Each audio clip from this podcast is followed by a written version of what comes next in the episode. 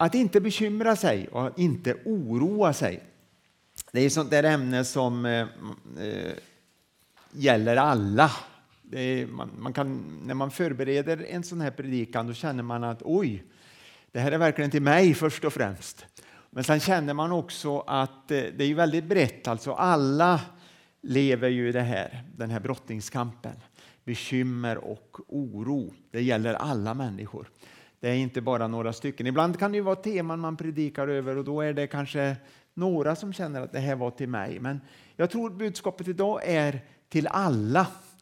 Och jag hoppas att Guds ord ska få tala till ditt hjärta och, och uppmuntra dig att söka, eh, eh, söka Herren mer i ditt liv. Och jag vill läsa eh, två verser från det som vi hörde inledningsvis här. Från Matteus kapitel 6, 33 och, 30 vers, 33 och 34 versen. En gång till läser vi dem. Sök först hans rike och hans rättfärdighet så skall ni få allt det andra också. Gör er därför inga bekymmer för morgondagen. Den får själv bära sina bekymmer. Var dag har nog av sin egen plåga. Amen. Ja, det är Jesu undervisning här om att inte bekymra sig eller oroa sig. Det är fantastiskt det här när man får möta människor ibland som har en sån där gudomlig frid i sitt hjärta eh, inom sig. Har, har ni mött sådana människor ibland? Du kanske är en sån själv, jag vet inte. Men ibland möter man sådana människor och det är så uppmuntrande och det är så, så tryggt. Eh, jag minns vid ett tillfälle, jag åkte eh, flygplan och det här är länge sedan och det var väldigt mycket turbulens. Hur många av er ogillar turbulens i ett flygplan? Någon legusta turbulens, ja. Eh, det är hemskt, det är fruktansvärt. Och jag fick liksom sån där panikkänsla och tyckte det var väldigt obehagligt. Det var inte bara lite, utan det var rejält. så. Och jag satt bredvid en äldre man och han verkade väldigt lugn så vi började prata lite, småprata lite. Och han, han berättade då att han var aldrig rädd när han flög. Han kände sån där trygghet. Och han berättade att han, han var troende, han var kristen.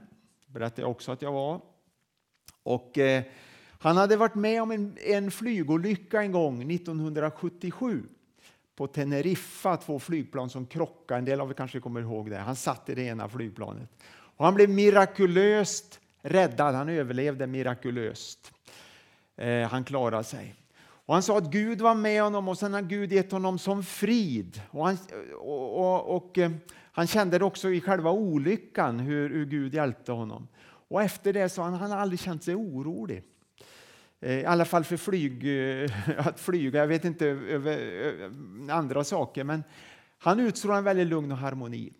Han berättade att han hade också skrivit en bok, han var amerikan, skrivit en bok om det här, ett vittnesbörd. Han sa att jag ska skicka det, den till dig sen. Och sen några veckor senare så kom det en bok på posten. Terror at Teneriffa heter den. Och det handlar om, han, om honom, den här mannen, och hans vittnesbörd. Ja, det är fantastiskt att möta sådana människor. Att fokusera på det viktigaste, det Gud vill i våra liv, det skapar en förnöjsamhet och en frid i våra hjärtan som är övernaturlig, som obeskrivlig. Förnöjsamhet. Man, man kommer ifrån det här att sträva efter att äga saker, att ha saker och, och, och, det här med bekymmer och problem det kommer liksom i skymundan. Man blir förnöjd helt enkelt. Eh, en missionär som heter Albert Schweitzer levde för länge sedan. Han jobbade i Afrika och han var känd för att leva ett enkelt liv, ett förnöjsamt liv. Var väldigt mycket engagerad i miljöarbete också och kände mycket så här för, för vår skapelse och så här. Eh, det berättas om honom och jag vet inte om du har sett någon bild, om du vet vem han är, men när man tittar på en bild, gamla foton, så har han en tropikhjälm, det är klassiska, en missionär. En, en ljus eller vit skjorta och han hade också, byx, också byxor naturligtvis. Och så en fluga, en svart fluga på sig. Och eh, det berättas att han hade samma tropikhjälm i 40 år när han jobbade i Afrika. Och samma svarta fluga hade han i 20 år. Eh, skjortan och byxorna bytte han antagligen lite oftare och tvättade dem. Men, men flugan och tropikhjälpen var, var, var, hade han länge samma. Och så berättade någon för honom om en, eh, en annan person som hade väldigt många flugor. Han hade dussintals med såna här stora flugor som man bytte och satte, satte på sig. Det är inte så vanligt idag, men det var vanligare då att man hade det. Och då reagerade den här missionären Albert Schweitzer. Dussintals flugor för en hals. Så kan man fundera. Ja, det var ju onödigt. Mm. Det är konstigt det att vi uh, oroar oss så mycket. Vi tror att Gud ska ta hem oss en dag. Det tror vi på, att vi ska komma hem till himlen en dag. Men samtidigt har vi väldigt svårt att lita på Gud i det vardagliga och i de små sakerna, i vardagsbekymren. Det blir lite motsägelsefullt. Och jag talar till mig själv här väldigt mycket. Vad oroar vi för oss för? Vad bekymrar vi oss för? kan man fundera. Det finns ju väldigt mycket olika saker. Hälsan är vanligt att man bekymrar sig för. Eh, inget konstigt i och för sig att man kan bli bekymrad om man blir sjuk och sådär och, och, även om man blir allvarligt sjuk. Men det kan gå till överdrifter och det är det vi talar om idag. Det överdrivna bekymrandet och oro, oron. Ekonomin är vanligt att man bekymrar sig för. Relationer. Att bli accepterad av andra människor och bli accepterad på min arbetsplats och så vidare. Döden, inte minst, det bekymrar ju väldigt många människor. Eh, det fanns en filmregissör, Woody Allen, kanske ni känner till, hört talas om en av de mer kända. Han talar om att det här med att bakom allt hans skapande, säger han, så döljer sig ångest över döden. Allt han gjorde liksom, det var på grund av att han kände ångest för att han skulle dö en dag. Många människor drivs av den här ångesten och rädslan. Jag tänker i kontrast hur man kan ha det också i förhållande till döden. Lite, jag vet inte om det var otippat, men jag lyssnade på ett program, det heter det är Världen idag, som har ett eh, program som heter Hotspot. En del kanske har sett det. Då var det intervju med entreprenören Henrik Jönsson. Han figurerar ju i tv ibland. Han är prästson och han bekänner sig som kristen. Kanske inte alla som vet, men han gör det. Och de frågade honom där, intervjuaren, Marco Strömberg, om, om hur han ser det på döden och vad som händer efteråt, om han tror på det och så här. Och ja, det är, det är en lite svår fråga, sa han, men sen blev han väldigt gripen och så började han nästan gråta där i programmet. Fick en klump i halsen och lite tårögd och så sa han att när jag dör, det är som att jag hoppar upp i pappas knä. Det är så jag tänker döden. Mm. Fin bild faktiskt vad som händer efter döden. Tänk att ha en sån eh, förtröstan på Gud. Vi bekymrar oss för barn, vi bekymrar oss för barnbarn, provet i skolan, hur det ska gå, mat och kläder. Väldigt mycket bekymmer, mycket onödigt kan man tycka. Tandläkarbesöket eh, nästa vecka kan kännas väldigt jobbigt. Är spisen avstängd när jag åkte hemifrån? Har du funderat på det någon gång? Grubblat? Du har velat vända bilen, åka tillbaks hem. Det var någon som sa en gång att det är bättre egentligen att ta spisen med sig när man reser. Stuva in den i bilen och så ha den med sig. Ja, då, man, då behöver man inte tänka på det mer. Oro och bekymmer har någon uttryckt det som det är som att sitta i en gungstol när man oroar sig mycket. Du får en massa arbete men du kommer ingenstans. Oron splittrar sinnet. Man blir väldigt splittrad som människa. Och Bibelns ord för oro betyder just, från den grekiska grundtexten, att man är splittrad i sinnet. Man är liksom delad, man har svårt att fokusera här och nu. Vi lever ju här och nu och det gör vi ju allihop. Men allt för många lever allt för mycket i framtiden. Det är klart man måste planera och tänka framåt också. Det är inte det det handlar om. Men en del lever allt för mycket i framtiden och då lever man inte här och nu och så blir man splittrad och orolig. Känner du igen dig? Så är det i mitt liv också många gånger. Man får brottas med det här. Vi blir halvhjärtade i det vi ska göra och resultat blir att vi blir trosvaga. Jesus säger ju det, vi hörde texten innan här, ni trosvaga, sa Jesus. Någon har kallat oro, den här överdrivna oron och, och bekymren för en mild form av ateism. Det låter ju väldigt starkt uttryckt, men det är liksom, man, man litar inte på Gud, man tror inte riktigt Gud, på Gud, att han är med och att han förmår eh, hjälpa mig. En historia som eh, en del av er kanske har hört, ganska rolig tycker jag. Det var en man som oroade sig väldigt, väldigt mycket. Så han bestämde sig för att han skulle anställa en person som oroade sig åt honom. Tänk om han kunde göra det, men så var det i det här fallet. Han kunde anställa en som oroade sig åt honom och han hittade en man som gick med på att bekymra sig åt honom för en miljon kronor per år. Ganska mycket pengar. Och Den här mannen som var anställd han frågade då sin arbetsgivare men var ska du få de pengarna ifrån? En miljon kronor på ett år? Ja, det är ditt bekymmer, så. Så, så, så blir man av med det. Varför behöver vi inte oroa oss som Guds barn, kan man fråga sig. Varför behöver vi inte oroa oss som Guds barn? Det handlar inte om att leva oansvarigt, jag säger det igen. Oro är ett varningssystem som Gud har lagt ner i våra hjärtan, i våra liv. Men det behöver användas rätt och inte stressa oss som det gör många gånger. Vi har ingen orsak till oro, säger Bibeln och säger Jesus. Det finns saker vi inte kan ändra på. Visst, vissa saker går att ändra på, det som är möjligt, men det är väldigt mycket vi inte kan ändra på. Gud har kontrollen, så det är ingen orsak till oro. Det är onaturligt att oroa sig. Om man ser i skapelsen, Jesus tar ju liknelsen här. Tro och oro fungerar inte ihop. Vad säger fienden? Jo, han säger, skulle Gud ha sagt? Det säger han. Skulle Gud ha sagt? Skulle Gud ha sagt att han tar sig an dig, att han bryr sig om dig, att han är med dig varje dag? Skulle Gud ha sagt? Och de där, den där rösten hör vi många gånger och allt för ofta lyssnar vi till den och låter den inta våra liv och prägla oss. Men Jesus visar ju på skapelsen. Då. Vi hörde ju lite om skapelsen här i inledningen också. Varje vår slår blommorna ut. Och det väntar vi på. Det skulle vara väldigt konstigt om inte det blir grönt på våren eller blommorna blomma. Då skulle vi reagera väldigt starkt. Eh, Gud klär gräset, säger Jesus, som imorgon ska kastas i ugnen. Han talar om de vackra blommorna som är vackrare och finare än till och med Salomo var i all sin härlighet. Han talar om fåglarna som Gud föder.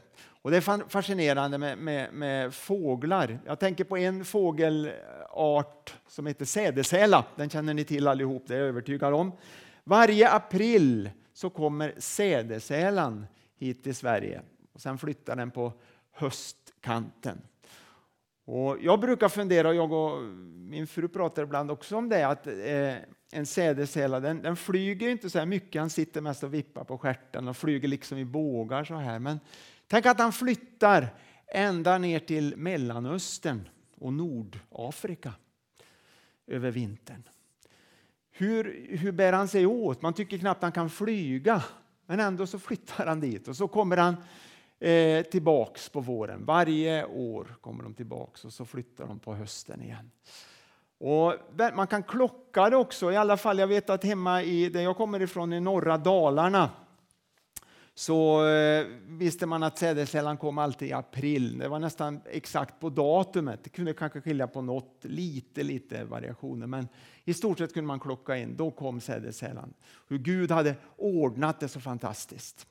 Och den kom samtidigt som tranan, det är bara en liten intressant sak. Och där, därför trodde man att, eh, eh eller därför heter den på älvdalsmål, som eh, eh är vanligt att många pratar där jag kommer ifrån, eh, tranisla. Yvonne kanske eh, känner igen det ordet. Och varför hette den så? Jo, den kom samtidigt som med tranorna alltid. Och så trodde man, för kanske att det var att den såg ut att flyga så dåligt så att den liftade med tranorna. Den satt på ryggen med tranan och så kom den flytt, flyttande. Och det är lite intressant. Eh, att en trana flyttar långt är inget konstigt, eller att en svala flyttar långt, men en sädesäla. Man vet ju att de flyger väldigt högt och att eh, det är på det sättet de, de kan flyga så långt. Men, men ändå, det är väldigt svårt att tänka sig. Tänk hur Gud har ordnat. Och de verkar inte speciellt bekymrade. Skulle vi flytta så långt eller flyga så långt för, eget, för egna vingar så att säga, då skulle nog vi människor vara väldigt bekymrade och vi skulle nog dra väldigt tidigt på sommaren. Vi skulle inte invänta hösten för att flyga så långt. Men Gud har ordnat det så här med naturen och det, det fungerar väldigt avslappnat. Då säger Jesus att vi ska se på naturen som en förebild. Och eh, Gud har ordnat det att han också är med oss. Vi ska inte heller bekymra oss och oroa oss för saker och ting. Det hjälper inte att oroa sig. Det tar bara en massa energi och eh, det är allvarligt för vår hälsa också. Oro orsakar högt blodtryck, det vet man. Hjärtåkommor, migrän, magsjukdomar med mera, med mera. Listan skulle kunna göras jättelång, men vi vet att vi blir fysiskt sjuka också när vi oroar, oroar oss. Och mycket av det vi oroar, oroar oss för, klart, det klart mesta inträffar heller aldrig. Visst kan det inträffa vissa saker, det gör det, men det mesta inträffar inte. Så är det. Det är onödigt att oroa sig. Gud har ju lovat att ta hand om oss. Oro har aldrig gjort en dag ljusare, aldrig löst ett problem i sig eller botat en sjukdom, utan det ställer bara till onödiga, onödig eh, lidande med oro och bekymmer. Sen säger Jesus att det är hedniskt också. Hedningarna oroar sig och bekymrar sig, men vi ska inte göra det. Gud sände Jesus så vi kan lita på Jesus helt och fullt. Vi kan lita på vad han sa. Gud sände Jesus. Han har lovat att alltid vara med oss. Johannes 14 och 27 så säger Jesus så här i sitt eh, avskedstal till lärjungarna. Frid lämnar jag kvar åt er. Min frid ger jag er. Jag ger er inte det som världen ger. Känn ingen oro och tappa inte modet. Min frid ger jag er. Underbart. Till sist, viktigt att tänka på några korta saker bara. Vår himmelske fader är inte vem som helst. Han är inte det. Alla svårigheter som vi tycker är stora saker, det är väldigt lite för Gud. Inte att det är oväsentligt eller banalt för Gud, inte så, men det är väldigt enkelt för Gud att lösa problemet. Så kan man säga. Väldigt litet för Gud. Gud har verkligen allt under kontroll och vi kan lita på att han är med. En berättelse jag hörde det var eh, om en båt som eh, reste över Atlanten från England till Nordamerika. Och kaptenen på båten han hade sin familj med sig. Och det blev en kraftig storm på havet. Och eh, det var väldigt, väldigt jobbig situation. Eh, frun till kapten och den lilla åttaåriga dottern de var under däck och de låg och sov, men de vaknade naturligtvis när det blev så stormigt. Och den åttaårige dottern hon, hon kände eh, en stress och lite panik där. Men sen frågar hon mamma så här. Är pappa på däck? Ja, sa mamma. Då la hon huvudet på kudden och så somnade hon om igen tryggt. Är pappa på däck? Pappa är på däck. Ta till det där. Gud har allt under kontroll. Pappa är på däck. Det kanske stormar i ditt liv just nu. Du känner det jobbigt och det är tufft. Men Herren är med dig. Han har allt under kontroll. Glöm aldrig det. Guds rike skakas aldrig. Han har den totala kontrollen. Och Bibeln uppmanar oss till och med i första Petrus 5 och 7 så säger Petrus så här och kasta alla era bekymmer på honom ty han sörjer för er. Vilket underbart bibelord. Kasta bekymren på honom. Väldigt aktivt, väldigt drastiskt att vi får göra det. Vem är jag? Jag är älskad av Gud, säger Bibeln. I Romarbrevet 8 och 32 så läser vi han som inte skonade sin egen son utan utlämnade honom för att hjälpa oss alla. Varför skall inte han inte skänka oss allt med honom. Han gav oss verkligen allt. Han gav oss Jesus och det ska vi påminna oss alldeles strax när vi firar Herrens måltid här. Herren gav oss allt, han gav oss Jesus. Han har skänkt allt för, till oss. Han gav oss allt. Lev en dag i taget är viktigt. Det är inte enkelt, det är lätt att säga, men det är det som är den här principen. Det finns en bonad som du kanske har hängande till och med hemma i, i huset eller lägenheten, men du har säkert sett den. Den säger gårdagen är förbi, morgondagen har ingen sett. Idag hjälper Herren. Ni känner till den tror jag. Idag hjälper Herren. Vi har inte morgondagens styrka än. Vi har styrka för idag men inte för morgondagen. Det är viktigt att komma ihåg. Att möt problemen nu med den kraft du har idag. Det är viktigt. Ett visdomsord som jag läste, någon sa så här att öppna inte paraplyet förrän det blir regn. Det är ju klokt.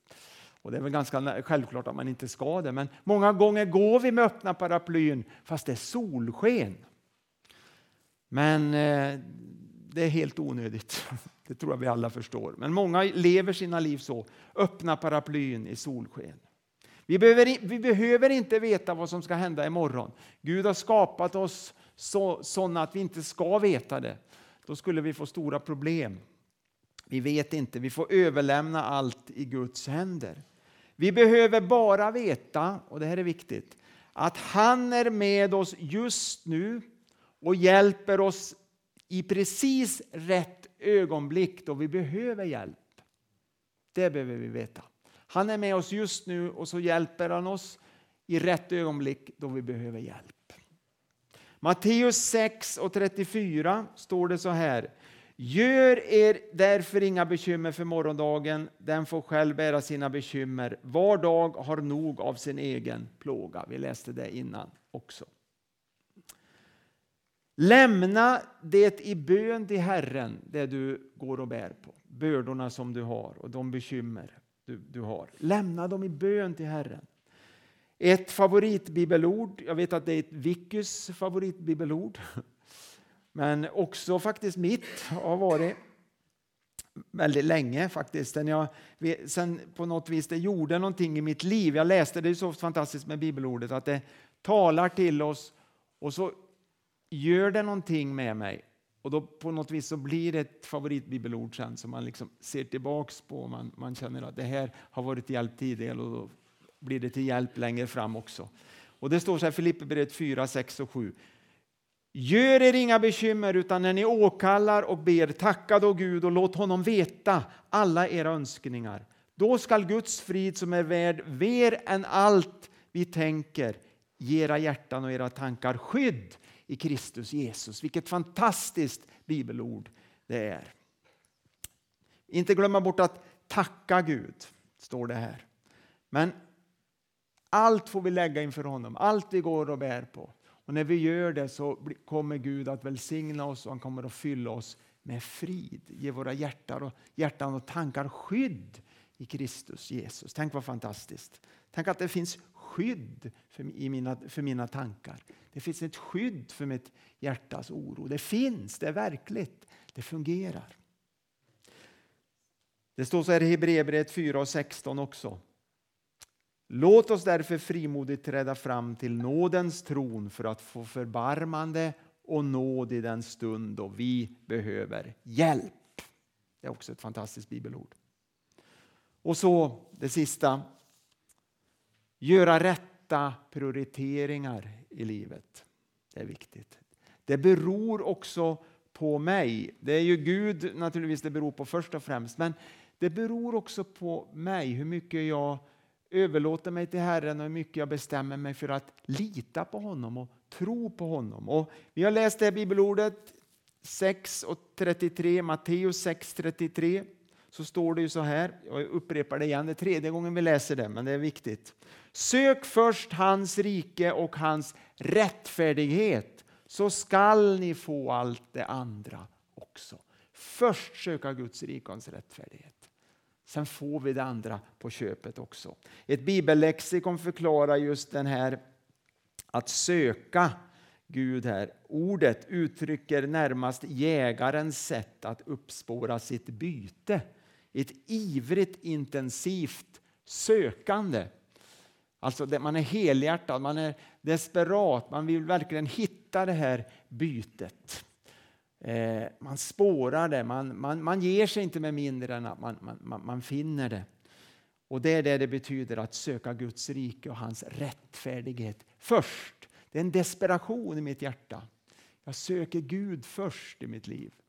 Vi kan inte vänta oss att, att, att Gud välsignar och hjälper på samma sätt när vi är halvhjärtiga, halvhjärtade. Gud är ju nåderik och barmhärtig. Han älskar oss och vill alltid hjälpa oss. Men när vi är halvhjärtade då blir det inte bra i våra liv. Det fungerar inte som Gud har tänkt. Det handlar om att vara helhjärtad och söka honom och så välsignar han oss. Han gläder sig när vi söker honom. Han gläder sig när vi lägger fram våra problem inför honom. Han gläder sig när vi kastar våra bekymmer på honom. Han gläder sig när vi ber till honom och ropar till honom desperat. Och Det skapar ett liv i harmoni. När vi överlåter våra liv i hans händer då kommer också det med förnöjsamhet. Man blir förnöjd. Man, liksom, man känner att ja, jag behöver nog inte mer. Jag behöver inte mer än en fluga runt halsen som vi sa innan här, eller en slips eller vad det nu är. Sätt, Guds rik, sätt Gud först i ditt liv. Vårda din relation med honom. Det är en uppmaning. Vårda din relation med Gud. Var rädd om den. Då kommer du att upptäcka kraften i de här Jesusorden vi har läst och de här bibeltexterna vi har, har läst här. Det är en kraft i bibelordet. Men den upptäcker du bara när du vårdar din relation och söker honom först. Amen. Tack Jesus för den här söndag förmiddagen då vi får vara samlade i ditt namn. Tack att du välsignar mina vänner här, Herre, och var och en, Gud. Tack att du välsignar fortsättningen av gudstjänsten nu. Du är med i nattvarden och i förbönstunden och lovsången, Herre. Tack att vi får lägga allt i dina händer. Och tack att vi får lägga våra liv inför dig. I Jesu namn. Amen. Amen.